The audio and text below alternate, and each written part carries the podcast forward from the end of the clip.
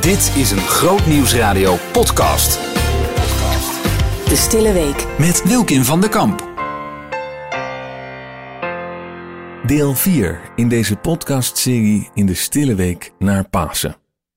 Jezus werd naar het huis van Annas gebracht en van alle kanten beschuldigd om maar iets te vinden waar ze hem op konden pakken. Ze mishandelden hem en daar vloeide opnieuw Jezus zijn bloed voor ons. Daarna werd Jezus naar Caiaphas gebracht om een schijnproces te ondergaan. In deze serie neem ik je mee naar de laatste 18 uur van Jezus. De evangelisten vonden het enorm belangrijk ons te laten zien dat er geen moment in de laatste 18 uur van Jezus was waarin hij niet de volledige controle had over wat er gebeurde. God had Jezus werkelijk tot in het kleinste detail voorbereid op wat komen zou. De evangelist Johannes getuigt in hoofdstuk 13, vers 3 dat Jezus wist dat de Vader hem alle dingen in handen gegeven had en dat hij van God uitgegaan was en tot God heen ging. Ja, Jezus wist al dat Judas hem zou verraden voordat hij het zelf wist. Johannes 6, vers 64 zegt: Want Jezus wist van het begin af wie het was die hem verraden zou. En zo lezen we in het Evangelie van Matthäus maar liefst drie keer dat Jezus tegen zijn discipelen zegt wat er allemaal in Jeruzalem gaat gebeuren. Ze zullen mij aan de heidenen overleveren, zei hij, om mij te bespotten, te geeselen en te kruisigen. Maar op de derde dag zal ik opgewekt worden. Jezus wist dus alles wat hem te wachten stond. Hij wist het omdat de profeten hierover gedetailleerd hadden geschreven. Je zou het de verborgen Jehoshua-code kunnen noemen. De schriftgeleerden kenden de profetie uit het hoofd, maar niemand van hen had door dat Jezus de profetieën voor hun ogen zou vervullen. En al die voorspellingen over het sterven van Jezus van Nazareth zijn stuk voor stuk uitgekomen. Ook de profetie uit Jesaja 50 vers 6. Ik geef mijn wangen aan hen die mij de baard uitplukken. Na het verhoor en de mishandeling in het huis van Annas werd Jezus, die nog steeds geboeid was, naar hoge priester Caiaphas gebracht om door de Joodse Hoge Raad veroordeeld te worden. De Hoge Raad was het hoogste rechtscollege in Israël. Het werd voorgezeten door de hoge priester en bestond uit 72 personen, waarvan de meeste lid waren van de twee belangrijkste religieuze groeperingen van die tijd, de Sadduceeën en de Fariseeën. Tot de Sadduceeën behoorden de edelen en de opperpriesters, die de tempel en de eredienst beheersten. Wel, zij waren rijke, ontwikkelde mannen en stonden op goede voet met de Romeinse overheid, maar waren niet populair bij het volk. Zij, ze hadden niets op met die rondreizende timmerman die hen voorhield dat hoeren en tollenaars hen voor zouden gaan in Gods koninkrijk. De Fariseeën vormden oorspronkelijk een opwekkingsbeweging. Maar ze waren vervallen tot huigelachtige leiders die met hun vroomheid te koop liepen door hun gebedsriemen breder te maken en hun kwasten groter te maken om erop te vallen. En ja, het waren de fariseeën die bepaalden wie waardig genoeg was om tot de synagoge te worden toegelaten. Hm. Jezus had hen vergeleken met witte graven. Van buiten wel schoon, zei hij, maar van binnen vol met doodsbeenderen. Nou, normaal komt de Hoge Raad, het Sanhedrin, samen in de zogenaamde Lishkat Hagazit, dat is de kamer van de vromen, in een van de gebouwen van de tempel. Omdat deze kamer s'nachts niet toegankelijk was, werd Jezus naar het paleis van hoge priester Caiaphas gebracht, die in die tijd hoge priester was. Het wordt een schijnvertoning. Dat Jezus sterven zal, dat staat tevoren al vast. Het Sanhedrin is in enige dagen daarvoor al bij elkaar geweest en toen tot het besluit gekomen dat ze Jezus gevangen zouden nemen en hem zouden doden. Er is alleen nog geen officiële beschuldiging geformuleerd en hiervoor worden snel enkele aanklagers opgetrommeld en ten tonele gevoerd. Een rechtsgeldige aanklacht vereiste minstens twee getuigen die elkaar niet mochten tegenspreken, anders was hun getuigenis ongeldig. In deze chaotische nacht zijn er vele getuigen die Jezus aanklagen, maar ze zijn allemaal vals en ze spreken elkaar tegen. Er wordt ook geen onderzoek verricht naar de juistheid van hun beweringen en er wordt ook geen verdediging toegestaan. Uiteindelijk werden twee mannen gevonden die een zogenaamde godslastelijke uitspraak van Jezus naar voren brachten. Hij zou de tempel, de woonplaats van God, hebben aangevallen. Maar Jezus zwijgt. Dit tot grote ergernis van Caiaphas. Caiaphas bezweert Jezus bij de levende God om de waarheid te spreken. En onder ede wil Caiaphas een antwoord op de volgende vraag. Zeg ons, bent u de Messias, de Zoon van God? En Jezus antwoordt, je kan het lezen Matthäus 26, u zegt het. Straks zult u de mensenzoon zien zitten aan de rechterhand van God. U zult hem ook zien terugkomen op de wolken aan de hemel. Caiaphas ontploft van woede. Hij verscheurt zijn kleren en schreeuwt: Hij lastert God. Hebben we nu nog getuigen nodig? U heeft allemaal gehoord wat hij zei. Wat doen we met hem? En de mannen van de Hoge Raad schreeuwen allemaal: Hij moet ter dood gebracht worden. Na een nacht zonder slaap en de gigantische geestelijke strijd in zijn worsteling tegen de zonde, moet Jezus doodop zijn geweest. Het lijden zal alleen nog erger worden, zoals voorspeld werd in Jesaja 50 vers 6. Mijn rug heb ik gegeven aan wie mij sloegen, en mijn wangen aan wie mij de baard uittrokken. Mijn gelaat heb ik niet verborgen voor smadelijk speeksel. Er werd tot bloedens toe op Jezus losgebeukt, met vuisten en met stokken. Hij werd beschimd, bespot en belasterd. Ja, eeuwen tevoren profeteerde Jezaja hierover. Jezaja 53 vers 7. Gewillig liet hij zich mishandelen. Geen woord kwam over zijn lippen. Hij hield zich stil, als een lam op weg naar de slachtbank, als een schaap onder de handen van scheerders. Dit brengt ons bij het derde wonder van het kruis. Het bloed van Jezus reinigt niet alleen jouw hart van je zonde, het verlost je niet alleen van de aanklacht van de boze. Het bloed van Jezus zal ook je geweten reinigen dat jou van binnenuit aanklaagt. Zoals staat in Hebreeën 9, vers 14. Zijn bloed zal ons geweten zuiveren, zodat we niet meer een leven leiden dat op de dood uitloopt, maar de levende God kunnen dienen.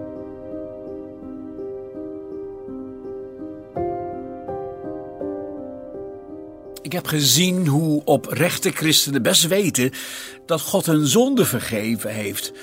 En ze geloven ook dat de aanklacht van de boze in hun leven moet verstommen. Het tweede wonder van het kruis. Maar toch blijven ze met schuldgevoelens rondlopen. Hoe is het mogelijk? Nou, begrijp je wel dat het niet alleen de boze is die ons aanklaagt. Ook ons eigen geweten klaagt ons van binnenuit, waardoor we ons schuldig kunnen voelen. In Hebreeën 9, vers 14 lazen we het. Het bloed van Christus zal ons geweten reinigen, vandaar dat die tot de dood leiden. En zal het heilige voor de dienst aan de levende God. Het Griekse woord voor geweten dat hier gebruikt wordt, is afgeleid van het werkwoord syneido. En dat mag je vertalen als in gedachten voor je zien. Zo zei koning David in een van zijn psalmen, psalm 51, vers 5, Ik ken mijn overtredingen, mijn zonde staat mij voortdurend voor ogen. Zonder dat David het wilde, zag hij in gedachten weer voor zich hoe hij met Bathseba overspel pleegde en hoe hij haar man de dood instuurde. Hier was geen sprake van een aanklacht van de boze. Nee, het was Davids verontreinigde geweten dat hem aanklaagde. Hij riep het dan ook uit naar God in, in, in, in vers 11. God, let niet op mijn zonde. Wis mijn fouten uit. Mijn God, maak mijn hart zuiver en mijn geest standvastig. Het derde wonder van het kruis spreekt over ons geweten dat gereinigd mag worden door het bloed van de Heer Jezus. Dan zal ons geweten ons niet langer van binnenuit aanklagen. En dan gaan we de stem van God beter verstaan om Hem met vreugde te kunnen dienen. Nu mag je dat Griekse woord voor geweten ook vertalen als bewustzijn. Je bent je misschien niet bewust dat ook de herinneringen aan de zonde als beelden worden opgeslagen in je bewustzijn of onderbewustzijn. Wat je met je ogen één keer ziet, kan in je herinnering wel duizend keer terugkomen. Die onreine beelden bijvoorbeeld zijn als het ware op je netvlies gebrand. En ze kunnen je achtervolgen in de vorm van nachtmerries, herbelevingen en flashbacks, zoals ook koning David heeft ervaren. Want in Psalm 51, vers 5 zegt hij: Steeds opnieuw gaan mijn gedachten terug naar deze daad, waarmee ik van uw pad afweek. Maar in je bewustzijn ligt niet alleen de herinnering aan de zonde opgeslagen, maar ook de pijn in de herinnering aan de zonde. Professionele hulpverleners en pastoraal werkers kunnen moeilijk of zelfs niet bij deze pijn komen, omdat de pijnlijke herinneringen veelal zijn verdrongen om maar te kunnen overleven. Door het wonder van het kruis kan God echter het onmogelijke doen en je bewustzijn, waar deze herinneringen zijn opgeslagen, reinigen van dode werken. Hebreeën 9, vers 14. Hoeveel te meer zal het bloed van Christus ons bewustzijn reinigen van dode werken, zegt de Nederlandse Bijbelvertaling van de NBG. Door de jaren heen heb ik keer op keer gezien hoe God ons gebed juist verhoort als wij Hem vragen om iemands bewustzijn laag voor laag te reinigen met het bloed van de Heer Jezus. Dan komt de Heilige Geest om de pijn die in de herinnering ligt opgeslagen liefdevol aan te raken en er innerlijke genezing plaatsvindt. Als we God vragen om je geweten of bewustzijn te reinigen met het bloed van de Heer Jezus, dan zal Hij het onmogelijke doen en de pijn die in die herinnering aan de zonde opgeslagen ligt aan te raken. Dan krijg je ook het vermogen om er niet meer aan terug te denken.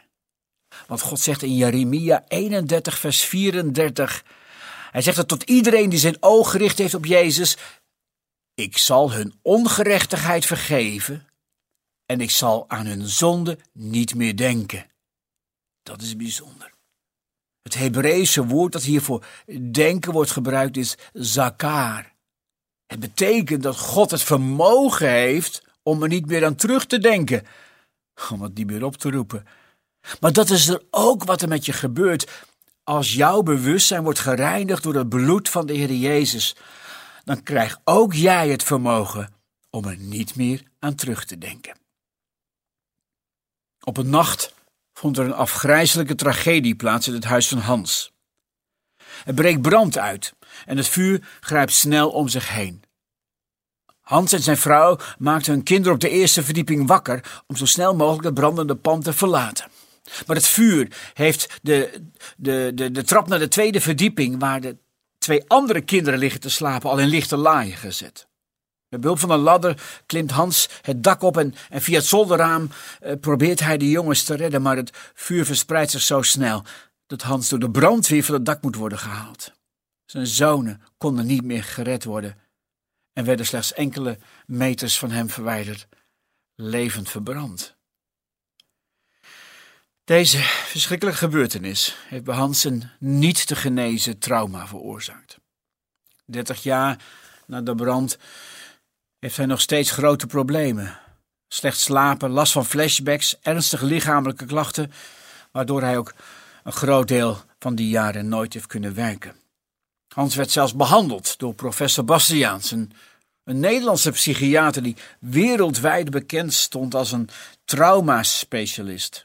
Maar zijn behandeling was omstreden omdat hij zwaar getraumatiseerde volwassenen met LSD behandelde. In de hoop zo een opening te forceren om bij die herinneringen, bij die pijn te komen en enige verlichting te geven. Wel, bijna 30 jaar na deze tragedie bezoeken Hans en Nelleke onze tweedaagse vrijzijnconferentie in Maastricht. En op de laatste dag is het tijd voor gebed om de wonderen van het kruis te ontvangen. Op een gegeven moment nodig ik de deelnemers uit om hun geweten en bewustzijn te laten reinigen door het bloed van de Heer Jezus. En veel mensen reageren op de uitnodiging, komen naar voren. Maar Hans en zijn vrouw blijven achter in de zaal zitten. Ze durven niet. Ze kunnen het bijna niet geloven dat God een wonder kan doen. Terwijl ze toekijken hoe er voor in de kerk voor mensen gebeden wordt, denk ik dat de Heilige Geest mij duidelijk maakt dat Hij ook achter in de zaal aan het werk is. En op het moment dat ik het uitspreek, ervaart Hans hoe Gods geest de pijn die in die herinnering aan het trauma ligt opgeslagen aanraakt en hoe Gods liefde zijn zo verwonde hart op slag geneest. Na dertig jaar geleefd te hebben onder de terreur van nachtmerries, ontvangt hij rust, vrede en stilte. De nachtmerries zijn nooit meer teruggekomen. Het derde wonder van het kruis is de vervulling van de profetie uit Jesaja 52 vers 4. Namelijk dat Jezus niet alleen onze zonde op zich genomen heeft, maar ook onze smarten heeft gedragen.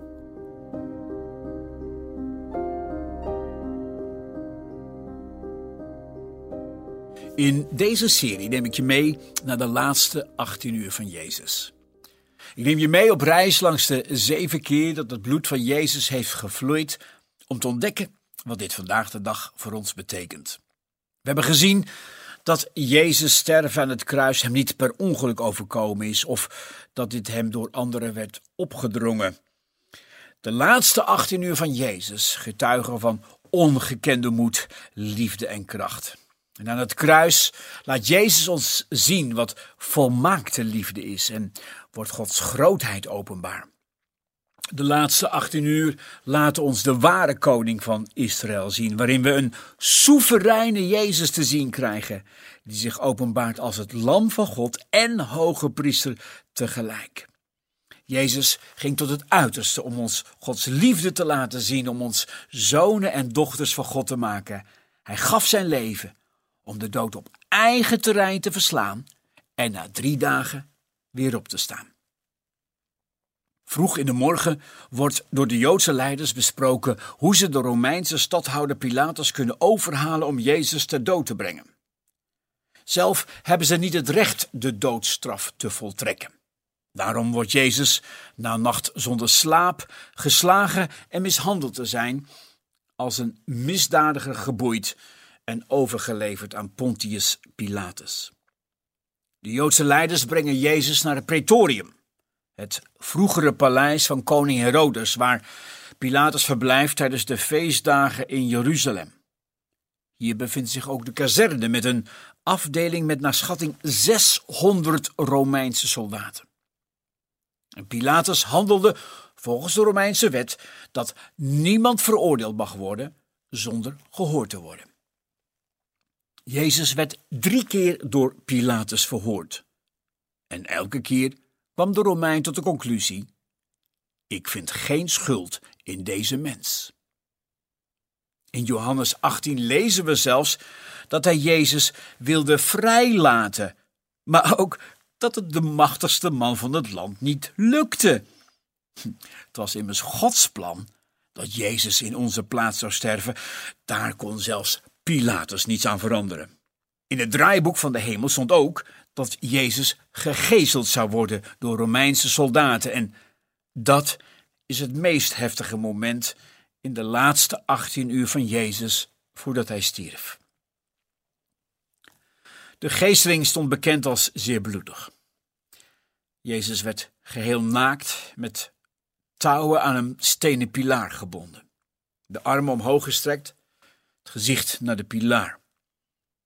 Er waren meestal twee soldaten die de geesteling uitvoerden. En ze sloegen om beurten met de zogenaamde flagellum.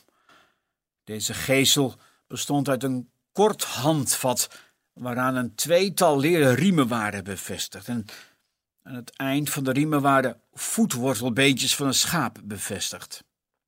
De Romeinen hadden de flagellum speciaal ontworpen om het vlees van het lichaam van het slachtoffer te scheuren, waardoor de spieren en pezen bloot kwamen te liggen. De beschadiging van zoveel huid de kneuzing van zoveel spierweefsel is in ernst te vergelijken met een, met een zeer diepe verbranding van het halve lichaamsoppervlak. En deze verwondingen kunnen zonder medische hulp na enkele uren tot een aantal dagen dodelijk zijn. Daarom, daarom had de Joodse wet het aantal slagen tot maximaal 39 beperkt. De geestelslagen waren echter uitgedacht om de pijn tot in het extreme op te voeren. Het veroorzaakte ook een vloeistoftoename rondom de longen. In de situatie waarin Jezus zich bevond, was de geesteling alleen al genoeg om hem te doden. Zijn, zijn lichaam werd verwoest, kapotgeslagen en misvormd. Had al uren niets te eten gehad. En door overmatig zweten en bloeden veel vocht verloren. Jezus' huid werd letterlijk aan flarden geslagen, tot hij half bewusteloos in de touwen hing, omringd door een grote plas bloed. De verminking van Jezus' lichaam heeft een diepe betekenis.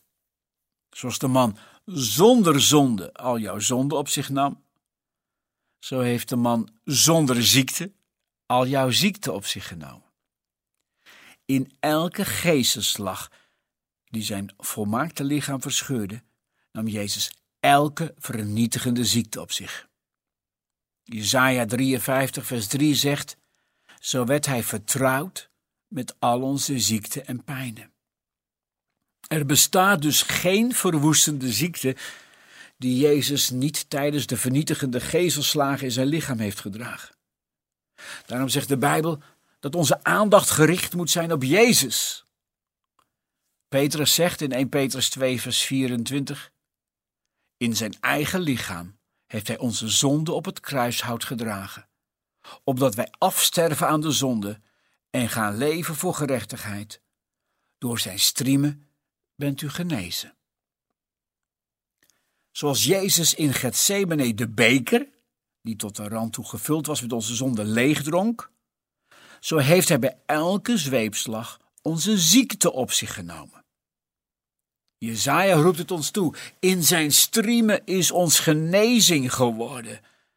God wil dat we opzien naar het verwoeste en misvormde lichaam van Jezus. Want in zijn onmenselijke verminking ligt onze bovennatuurlijke genezing.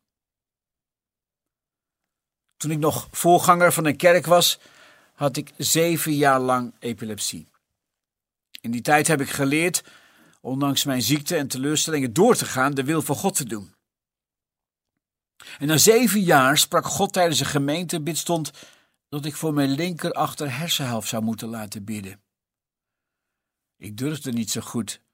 Het was tenslotte een bidstond voor de zending. Maar uiteindelijk vroeg ik de mensen om voor mijn hoofd te bidden. Toen verschillende gemeenteleden voor me gebeden hadden, voelde ik dat iemand uh, de hand uh, op mijn linker achter hersenhelft legde en de woorden uitsprak: Dank u wel, Heer Jezus, dat u zijn linker achter hersenhelft genezen hebt. Vanaf die dag ben ik volledig genezen, door de neuroloog bevestigd, en hoef ik geen medicijnen meer te slikken. Nooit heb ik meer de epilepsieaanval gehad. En daarmee komen we aan het einde van deel 4 uit deze podcast-serie Het Wonder van het Kruis. We volgden Jezus verder in zijn martelgang. Omdat de Joden geen ter dood veroordeling mochten uitspreken, brachten ze hem bij Pilatus, de Romeinse gezaghebber, die dat wel mocht, maar helemaal niet happig was om een onschuldige te veroordelen. In de volgende aflevering legt Wilkin van de Kamp uit over welke genezing het gaat waarom er op aarde niet altijd genezing te vinden is en hoe dit uiteindelijk volledig zal uitwerken. Behoefte aan meer? Grootnieuwsradio.nl/podcast